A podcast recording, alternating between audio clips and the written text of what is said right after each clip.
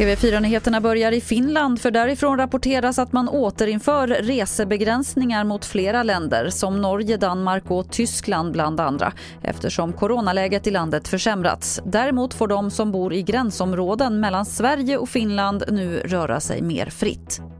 Här i Sverige säger de flesta ja till krav på munskydd i kollektivtrafiken men nej till att kräva det på andra ställen.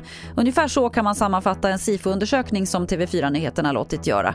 Men Folkhälsomyndigheten är fortsatt tveksam.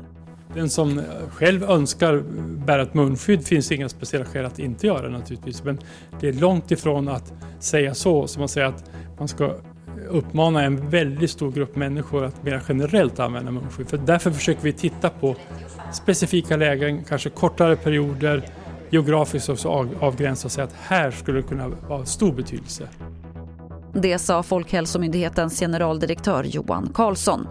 Och till sist kan vi berätta att regeringen nu pressas om de inställda högskoleproven.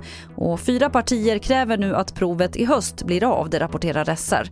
Tidigare har Moderaterna och Liberalerna krävt att man ska ändra beslutet att ställa in det och nu säger även KD och SD att de tycker samma sak. Det var det senaste från TV4 Nyheterna. Jag heter Lotta Wall.